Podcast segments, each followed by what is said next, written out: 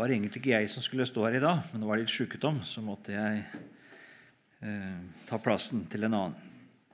Den sangen vi sang nå Jeg vet ikke om mange tenker at det er en julesang.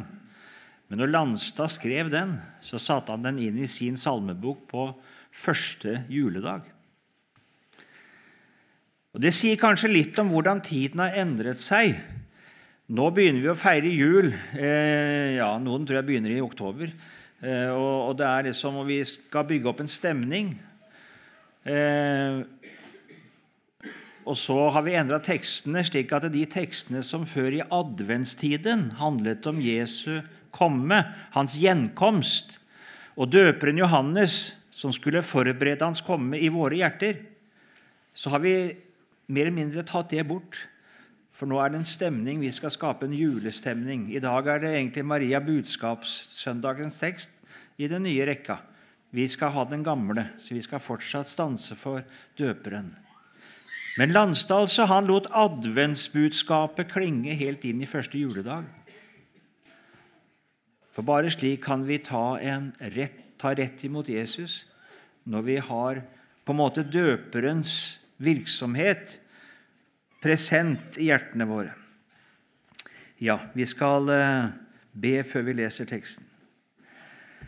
Ja, himmelske Far, du kjenner oss, og du vet hvordan vi er.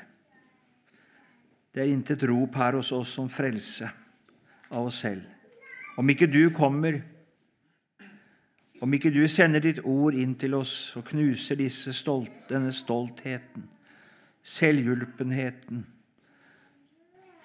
sorgløsheten og skaper et rop etter deg, et rop etter frelse, syndenes forlatelse. Og så ber vi, må du gjøre det, og berede oss slik at vi virkelig kunne glede oss som barnet og ta imot deg, Jesus, når du kommer. At vi lærer deg å kjenne som vår eneste redning og frelser. Vi ber om det. Vi ber om Din Hellige Ånd over ordet ditt. Amen. Vi skal lese da teksten fra Johannesevangeliet kapittel 1 og fra vers 19 i Jesu navn. Dette er Johannes' vitnesbyrd da jødene sendte prester og levitter fra Jerusalem for å spørre ham, 'Hvem er du?' Da bekjente han og nektet ikke. Han bekjente, 'Jeg er ikke Messias'. Og de spurte ham, 'Hvem er du da? Er du Elias?' Og han sier, 'Det er jeg ikke'. 'Er du profeten?' Og han svarte, 'Nei'. Da sa de til ham, 'Hvem er du?' Så vi kan gi dem svar som har sendt oss. Hva sier du om deg selv? Han sa, 'Jeg er en røst av en som roper i ørkenen.' 'Gjør Herrens vei jevn', som profeten Jesaja har sagt. De som var utsendt, var farisere, og de spurte ham og sa til ham, 'Hvorfor døper du da, når du ikke er Messias, og heller ikke Elias eller profeten?' Johannes svarte dem, 'Jeg døper, med, jeg døper med vann.' Men midt iblant dere står den dere ikke kjenner, han som kommer etter meg, han som jeg ikke er verdig til å løse skoremmen for. Amen.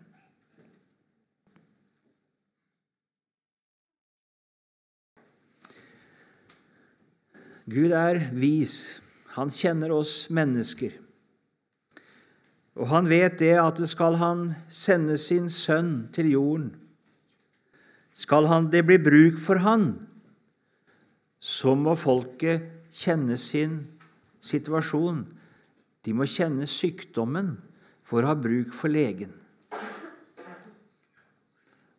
Jeg kommer litt tilbake til det, men det sto i det som engelen sa til Zakaria når han var inne i tempelet og han fikk høre om at han skulle få en sønn. Og Så sies det om døperen han skal berede Herren et vel skikket folk. Et vel skikket folk. Vi skal komme tilbake til det. Hva er et vel skikket folk? Det er omtrent det samme som når vi hører ved nattverden at man skal prøve seg selv. Og så står det om å ete og drikke uverdig. For å si litt til barna det er snart jul, og dere skal få julegaver. Hva å være verdig til en julegave? Hva er det? Skal jeg si hva det er? Veldig enkelt. Det er ikke å fortjene det. Det er ikke det. Dere har hørt det sies ikke er det noen snille barn her. Nei, glem det. Ikke det, altså, dere skal være snille. Altså, det er ikke det dere skal glemme, men, men, men, det er ikke det det er tale om. Når det er, når det er Vi fortjener ikke gaver. Vi gjør ikke det. Bare være verdig. Jo, hvis du får en gave som noen har gjort seg mye flid med, og har gleda seg til å gi deg, og så åpner du den, og så legger du bare Nei, du legger den til side. Du skjønte ikke hvor verdifull den var, hvor fin den var. Du brydde deg ikke om den. Ja, da fortjente du det ikke. Da bruker vi ordet 'fortjent' på en annen måte. ikke sant? Da var du ikke verdig den. Verdig, hva betyr det? En verdig mottaker er en som virkelig forstår gavens verdi og fryder seg over den. Og et vel skikket folk, det er et folk som forstår storheten.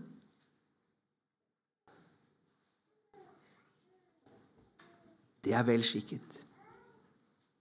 Og som frydet og gledet seg. Sånn som denne mannen i tempelet sier at 'nå kan du la din tjener fare herfra i fred', for mine øyne har sett din frelse. Og han var så glad. Nå trengte han ikke mer. Nå hadde han alt. Og så kunne han gjerne dø. Da var alt i orden. Ja. Døperen Johannes han kalte folket til omvendelse. Folk og den enkelte måtte skille, skille seg av med synden. Skulle menneskene leve med Gud og møte Gud, så måtte synden bort. For det lærer hele Skriften at det er synden som gjør skilsmisse mellom oss og Gud. Og så måtte den enkelte forlate sin syndige vei og vende om til Herren. For det er ingen frelse for den som ikke skiller lag med synden. De kom til Johannes, og han talte med de enkelte om det som var deres særlige synder. De må omvende seg. Det som hindrer og stenger, må bort. Krokveiene må rettes, det ujevne må jevnes, sånn at Herren kan stige inn i hjertet. Og det er så mange hvor det er noe som hindrer for at Jesus skal komme inn. Det kan være synd, det kan være andre ting. Det som fyller sinn og hjerte og tanke på en sånn måte at Jesus han kommer ikke inn. Rens dere, tvett dere, sånn talte profeten Jesaja. Ta deres onde gjerninger bort fra mine øyne. Hold opp med å gjøre det som er ondt. Lær å gjøre det gode, legg vind på det som er rett. Vis voldsmannen på rett vei. Hjelp den farløse til hans rett, før enkens sak. Og så kommer det 'Kom, la oss gå i rette med hverandre'. Det var døperens budskap. Sånn taler, folk, sånn taler Gud igjen og igjen til et folk som tar det lett med synden. Da taler han til dem om syndens alvor. Og at det går ikke å leve i den og vandre i den og regne med at han hører Gud til. Du må bort fra synden vike, synger Brorson eller aldri se Guds rike. Du må bort fra synden vike, eller aldri se Guds rike. Synden, den må få en ende. Du kan ikke fortsette å leve i den. Rens dere, tvett dere. Da forstår dere kanskje hvorfor Johannes døpte med vann. Rens dere, tvett dere. Nå hadde Det gamle testamentet en rekke forskrifter om renselse. Det var det vi kaller for, for eh, ja, skal kalle det levittisk renhet, eller renhet man måtte ha for å komme opp til høytidene, komme fram for Gud i tempelet. Hadde man vært borti en som var død, en hadde hatt utflod, det hadde vært, vært borti noe som var med blod, sæd, så måtte man bade seg, skifte klær. Borti en som var spedalsk, borti sykdom. En kunne ikke, Alt dette var bilder på urenhet. Den var borti på syndens følger, urenhet. Og så måtte en stadig rense seg. Og det jødiske liv det var forbundet med så mange renselsesforskrifter. En skulle spise, en måtte vaske hendene. Det var selvfølgelig mange fine ting jeg knytta til. Vi har vært borti pandemien og med karantene og, og renhet, og det hadde enorm betydning på det området der. Det er ikke våre myndigheter som har funnet på karantene. Det står i Gammeltestamentet. Og det å rense seg, det å holde seg atskilt, ikke komme til de andre før det hadde gått noen dager Smittevernforskrifter. Men det var ikke det som var hovedsaken. Gud brukte det for å holde en levende erkjennelse i folk av synd og av urenhet, og at den som skulle fram for Gud, han måtte være ren. Han måtte være ren. Du kan ikke møte framfor Gud uren. Rens dere, tvett dere. Og Nå kaller Johannes folket til møte med Gud, for nå skal himmelens herre og Guds sønn komme. Himlenes rike er kommet nær, så omvend dere. Få det onde bort, rens dere, tvett dere. For Gud selv skal komme. Og Johannes han var ikke opptatt av den ytre renhet, men han var opptatt av renheten i hjertet. Renheten i liv, renheten i ferd. Han viste dem at det er det alle disse tinga sikter på. Men hans dåp altså, den står i denne gammeltestamentlige renhetssammenheng. Og Det har Det høye råd lagt merke til. Her er det en som har innført en ny renselse. Hvor har han det fra? Med hvilken myndighet er det han kommer med det? Og hele folket dro jo ut til Johannes. Og i Det høye råd blir det travelt. Folket holder ham helt klart for å være en profet. Ja, da kan vi ikke bare avvise ham. Det var veldig viktig for Det høye råd å ha folkets tillit. Det var viktig for dem på en måte å ha en forståelse for det eh, i folket, at de gjorde det som var rett.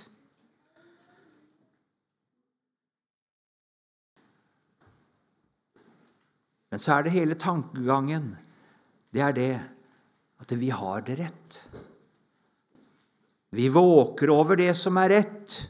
Men denne døperen, hvem er han? Hvilken myndighet er det han har? Og så står døperen på en måte til ansvar for dem, sånn tenker de. Han må se også legitimere det han holder på med. Det står seinere om at fariseerne og sadukerene kom til Johannes' dåp, eller det står i Matteus vel. De kom til hans dåp, står det. Ikke for å bli døpt. Ikke for å høre døperens ord og ta det til hjertet. Nei. Ikke for å la seg ransake, nei, men for å stå og vurdere døperen. Hva skal vi tenke om han? Hva skal vi mene om han? Personlig hadde de ikke noe bruk for omvendelse, for de mente at det var rett med dem. De hadde det i orden. De hadde sitt på det tørre. Og så sender man noen prester, noen levitter, ut til døperen. Og så vil de på en måte ha han til å svare for seg.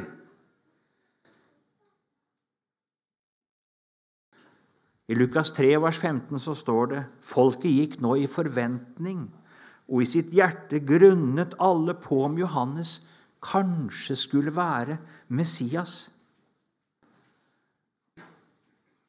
Jeg tror det at Johannes han var ikke, Jo, jeg tror han var ganske fri for det, altså, men det ligger nær for et menneske som opplever en sånn popularitet som Johannes. alt folket i Jerusalem og hele Judea. Det er ikke lite, altså. De kom ut til han, og de lot seg døpe. Det var ikke et sted i Israel altså, man ikke kjente til døperen. Alle Jesu disipler de var først disipler der, og de kom fra Galilea. Fra områdene omkring Genesaretsjøen. De har reist helt ned til sørenden av Jordanelven, helt ned mot Dødehavet. Hvorfor det? Jo, for de ville høre døperen. Og de har virkelig hørt, og de har blitt grepet. Og de har blitt hos han. Vi skjønner at det var en landsomgripende vekkelse. Og det er lett da å sole seg litt i glansen av det. Og Derfor står det at han bekjente. Han nektet det ikke, står det. Og så nekter han jo. Men han nekter altså altså Poenget han, han sier 'Jeg er ikke Messias'. Han kunne, Hadde han sagt 'Jeg er Messias', ja, så hadde folket vært fulle av begeistring. Det var en slik Messias som allikevel hadde passa litt i deres tanker. En som skulle rydde opp. Jeg leste akkurat nå en, eh, en Melkjord, eh, en rabbiner, sønn til Mikael, og nå heter det vel Joav, han som er nå. Ble spurt om Jesus var Messias. Nei, sier han, det var han ikke. for Jeg skal komme litt tilbake til det. De venta en Messias som skulle moralsk få folket på fote. Det er det de venter på. En som skal skape en ny gudsfrykt i folket. Og sånn ville på en måte døperen passe til en viss grad inn. Nei, sier døperen, jeg er ikke det. Jeg er ikke det. Ja, men hvem er du da? Er du forløperen? Er du Elia, profeten Elia? Han som skulle fra Malakias komme før? Se, jeg sender dere Elia, profeten, før Herrens dag kommer, den store og forferdelige. Jesus sier jo det.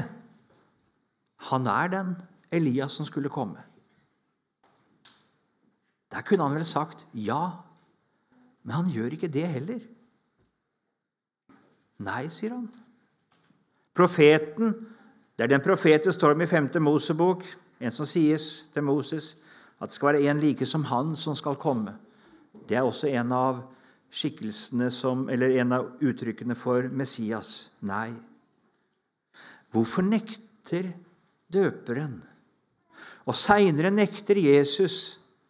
Når de spør han er du Messias, så bekrefter han aldri det.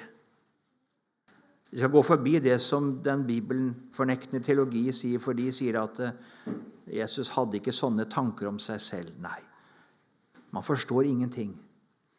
Det som er poenget Folket har sine forventninger til Elia. De har sine forventninger til Messias.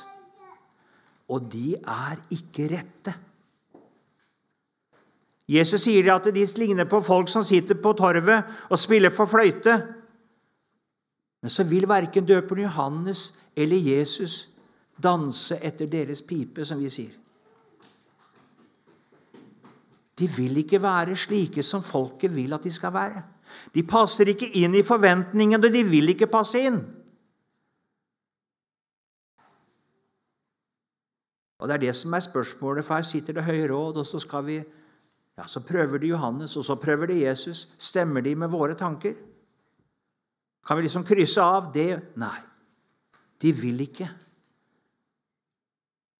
Da vil jeg bare bekrefte dem i deres egen på en måte gudsfrykt, i deres egen religiøse forventning. Og det vil ikke døperen, og det vil ikke Jesus. Når du kommer til møtet, hva kommer du med? Kommer du for å finne bekreftelse? Gjør du det? Slik at du kan gå ut og så kan du tenke 'det er rett med meg'. Ja, Det var det jeg visste. Predikanten han er enig med meg. Og så er det rett med meg. Så jeg er en god kristen. Nå fikk jeg bekreftet det igjen. Nå kan jeg sitte og, nikke under prekenen. Ja, akkurat sånn. Ja, det er sånn vi tenker. Og så er vi fornøyd med predikanten, for han bekrefter oss i vår lære, i vår tro. Det ville ikke døperen. Det ville ikke Jesus.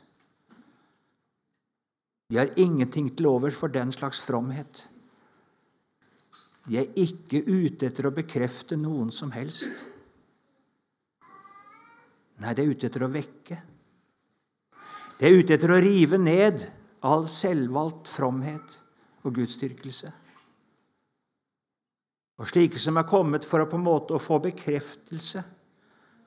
Nei, da svarer de avvisende, for de vil ikke bekrefte. Skulle folket bli omvendt? Jesaja sier det i kapittel 55 at man forlater sine veier. Og man må forlate sine tanker og omvende seg til Herren. For mine veier er ikke deres veier, og mine tanker er ikke deres tanker.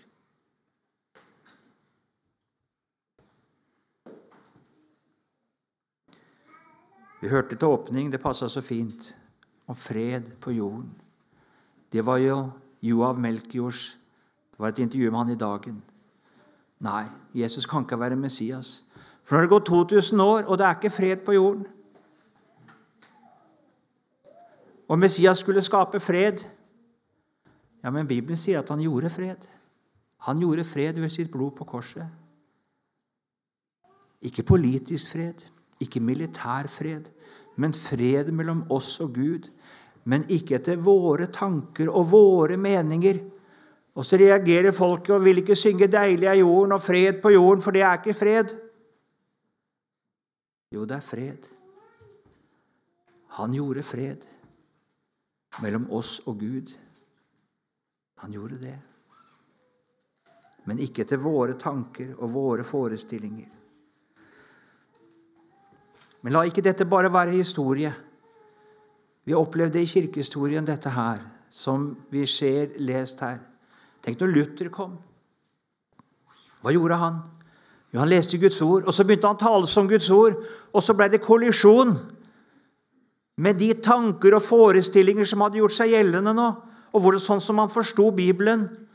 Og så ble han regnet for ei urokråke, og han ble ført for den ene rettssaken etter den andre. Han skulle svare, og han fikk råd bare bøy deg. Nei, sier han, jeg kan ikke det. Han kunne ikke bøye seg. Og så ble han dømt for å være kjetter og bannlyst. Vi kan tenke på en Hans Nilsen Hauge som kom her og talte. Med hvilken myndighet, med hvilken rett? Det var noe nytt og noe frist. Ikke nytt egentlig, men det hørtes nytt ut. Det hørtes fremmed ut. Og det var noe frist i deres forkynnelse som virket på folket. Folket hadde sine lærefedre, og så var det ikke sånn som de hadde lært. De var kommet inn i død tro og vanekristendom, fremmed for liv i Gud. Og så kom det noen som røska opp i dem. Tror du vi trenger det? Tror du det?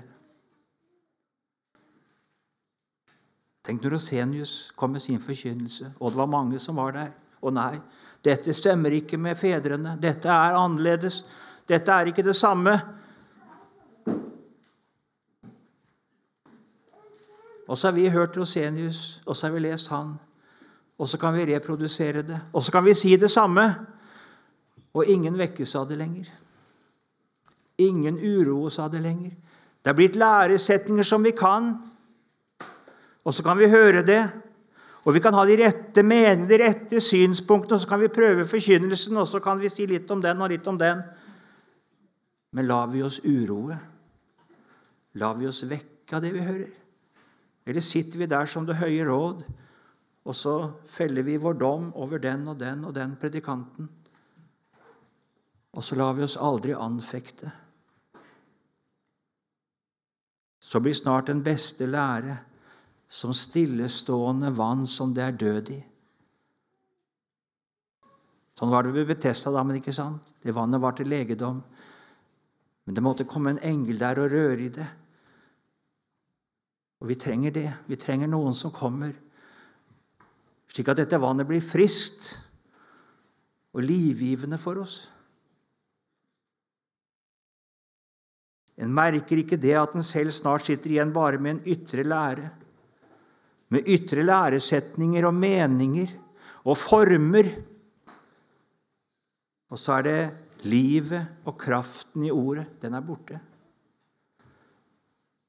En er ikke en synder for Gud, og en er ikke en nådetigger i sitt lønnkammer. Men en har ordene, en har læren, men det er bare skallet igjen. Da trenger vi en Johannes.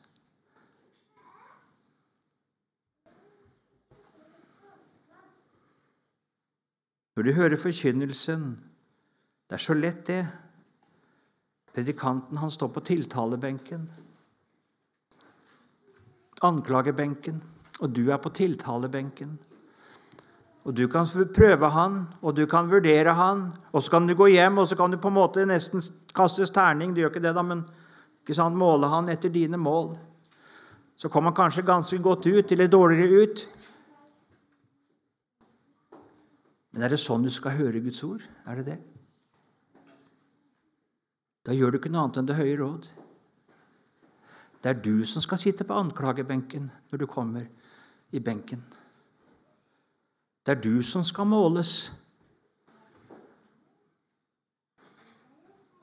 Det er du som skal prøves. Det er ditt liv som skal prøves. Du finner sikkert feil hos predikantene. Du gjør helt sikkert det. Vi ordlegger oss galt, og vi er skjeve, og vi gjør mye galt på prekestolen. Men når du sitter under Guds ord, da er det du som skal prøves. Legg merke til det. Og de fant feil ved alle profetene. Amos, Jeremia, Jesaja, døperen Johannes, Jesus. De fant feil ved dem. Paulus opplever det samme. Og det var så mange som fant feil ved dem. Og så var man ferdig med dem. Og så kunne man leve videre og tenke at alt er vel med meg. Vi har det rett. Og vi har støtte hos våre fedre. Og så kan han være uanfektet under prekestolen. Johannes han forklarer sin virksomhet ut ifra Jesaja 40. Han er en røst av en som roper i ørkenen. Gjør Herrens vei jevn. Isaksfolket var blitt til en ørken. Jeg kan lese i Jesaja, hørte det Isaiah Jesaja 35, les slutten av kapittel 34. Der skildres livet der hvor Guds dom er. Det er blitt en ørken. Bolig for sjakaler og for alle mulige slags dyr. All elendighet som får lov til å komme inn der. Det er nok mer et bilde av kristenfolket hos oss i dag enn vi vil være klar over. All slags urenhet har kommet inn i Guds forsamling. Det er blitt en ørken, åndelig talt. I denne ørkenen så skulle Johannes rope Det var ørken også i Israel på denne tiden. Åndelig talt. Gjør Herrens vei jevn. Herren vil inn her. Han vil få det til å blomstre. Han vil skape liv av døde. Og så skulle døperen Johannes rydde vei for Messias, for Guds sønn. Den skulle ryddes inn i folkenes stolte hjerter, i de sikre hjerter, som reiste seg som klipper og hindret, og som lå i veien, som hindret for Jesus. Det store og stolte, det hindrer alltid. Det er ikke første rekke synden som hindrer Jesus i å komme inn i hjertene. Det er selvrettferdigheten.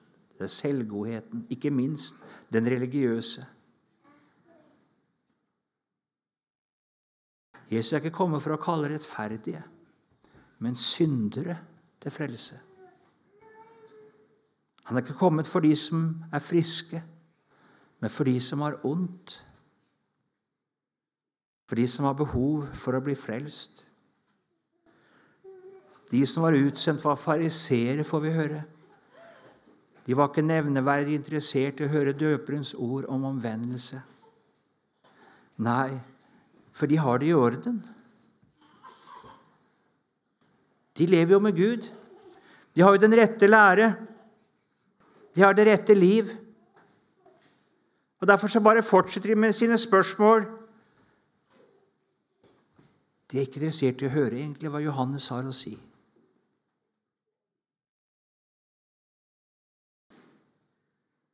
Da svarer Johannes dem, 'Jeg døper med vann', men midt iblant dere står den dere ikke kjenner, han som kommer etter meg, han som jeg ikke er verdig til å løse skoremmen for. Det sier en som altså i folkets øyne er noe helt ualminnelig. Alle løper for å høre han. Men jeg, sier Johannes, jeg er så liten, jeg kan ikke engang løse skoremmen. Nå burde livet spørre hvem er han? Nei, ikke interessert. Ikke interessert. For de har sitt på det tørre. De er bare opptatt av å prøve Johannes, ikke av å prøve seg selv. Døperen Johannes han svarer jo det at hans dåp er bare forberedende. Den har, en, den har sin mening ut ifra Han som skal komme. Den skal forberede Hans komme. Og han står allerede midt iblant dere, sier Johannes, men dere kjenner han ikke. Det er ikke uten brodd, det der. Dere som mener at alt er rett, dere kjenner ikke Han som er mye større enn meg. Hadde de, Og de kjente Jesaja 40, og de kunne det. De kunne det ganske sikkert utenat. Og da burde de ha forstått av døperens ord at han som skulle komme etter denne røsten, det var Messias selv. Herren selv. Men de er ikke opptatt av å ta dette ordet til seg og grunne på det. De ikke, spør ikke for å få svar i Skriftens lys, for det er ikke deres tro og deres erkjennelse og deres forståelse som står til doms her. Det er døperen. Så de hører egentlig ikke hva han sier. Du, Det er vel ikke sånn med deg når du er på møte, at du egentlig ikke hører hva som sies til deg? For du er opptatt av å prøve forkynneren og tenke hva du skal mene om han. Og så går ordet deg forbi det som er til deg. Det hører du ikke. Verken om synd eller nåde hører du. Du går like uberørt ut igjen fra møtet som du gikk inn. Noen ganger kan du nikke på hodet og si ja, det var bra. Jeg syns det var greit, det som ble sagt. ikke sant? Noen ganger å, det var dårlige greier. Men du er ikke berørt. Du er ikke berørt i det hele tatt. Ikke fortviler du over synden din. Ikke går du ut frimodig og glad fordi du har fått høre noe om Jesus. Nei, du er like uberørt.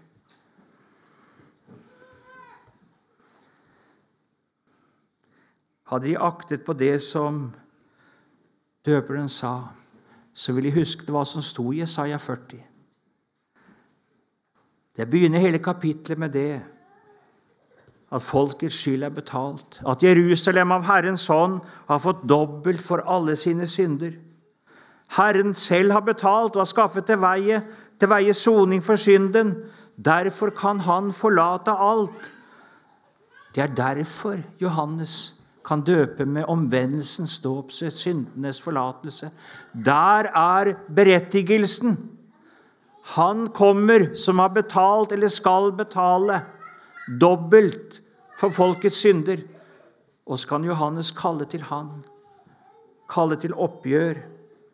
Og så hviler syndenes forlatelse på at det er en annen som skal betale prisen. Han som er så stor, og som kommer etter Johannes. Han er større enn en profet. Han er større enn Johannes. Han er Herren selv. Han skal betale. Og så baner Johan, døperens ord vei der det blir tatt imot for den rette forståelse av hvem Jesus er. Hadde disse gjort som disiplene til Johannes, disse som kom fra Galilea og rundt omkring, og blitt værende der for å høre hans ord, så ville de sett neste dag.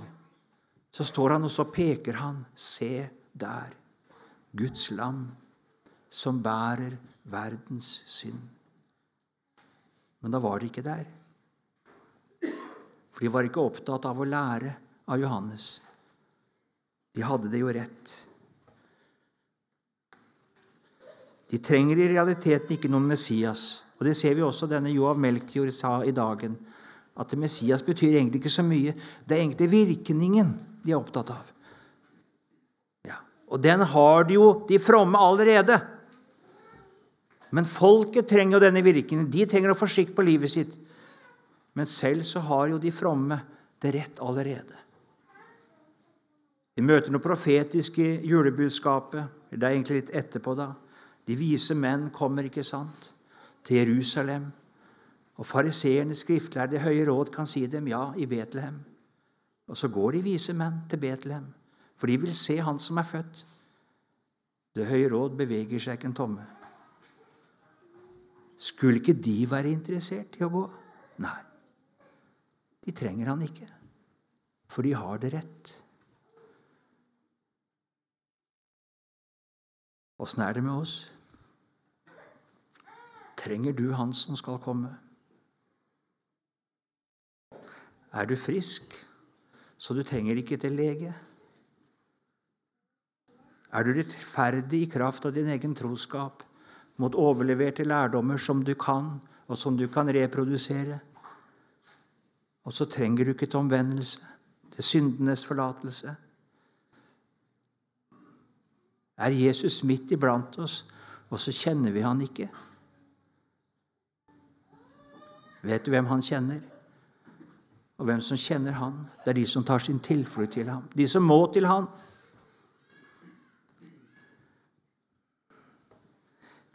Det blir bare rom for Jesus der hvor døperens gjerning har skjedd i hjertet.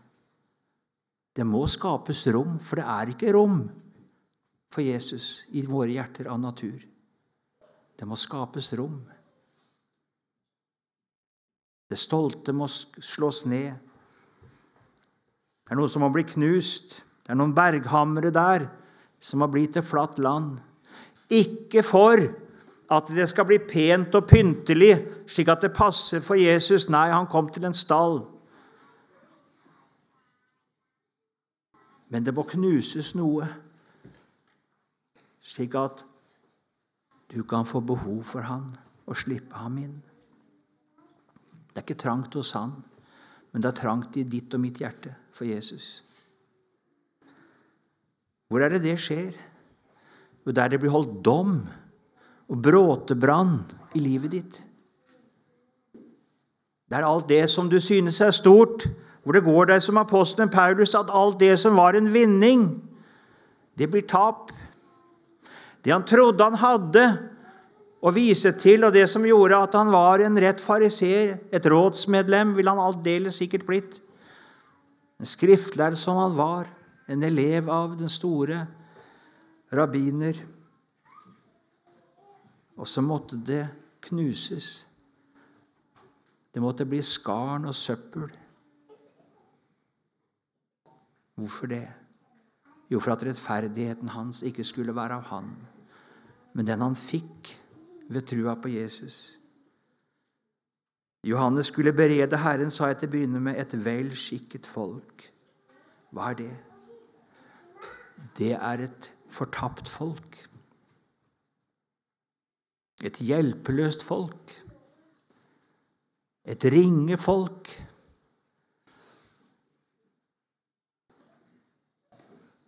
Et folk som sørger over seg selv, som ikke har problemer med de andres synder, men med sine egne.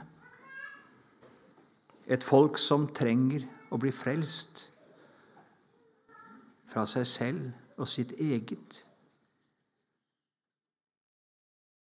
Og det er det. Derfor har vi advent. Det er fordi at du og jeg skal beredes til å ta imot Jesus. Og så er det så ille at selve adventstiden det virker som om den er snus på hodet. Det er selvsagt at vi venter på Jesus. Nei, det er det ikke. Det skulle ikke være selvsagt at Israelsfolket ventet på Jesus, som hadde blitt profetert om ham i hundrevis av år. Nei. Det var ingen der som løp til ham. Og så trengte de en Johannes, og så trenger jeg en Johannes i mitt liv. så jeg blir så liten og fattig og skrøpelig at jeg blir verdig. Rett verdig. Så må ikke denne røsten stilne iblant oss. Mange tenker at dette er noe loviske greier. Forstår ikke dette alvoret. Og tenker det må være mer glede og mer liksom frigjørende. Ja, frigjørelsen den kommer med Jesus. Men først må syndens byrde og fangenskap og lenker bli åpenbare. Hvis ikke så tror jeg å være fri mens jeg er bundet. Og så søker jeg ikke det som alene kan frigjøre meg. Jeg har ingen bruk for det, for jeg er jo fri.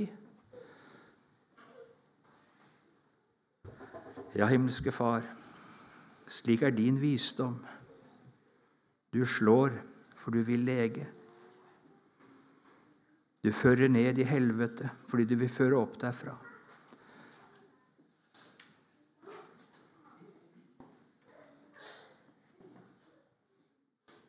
Og Jesus, må du få stelle med oss, slik at vi alltid er små og fattige i ånden. Så trangt til ordet vi kan få barnlig rekke hånden mot deg og din rettferdighet, til du til bords og setter oss metter med din rettferdighet, Jesus. Amen.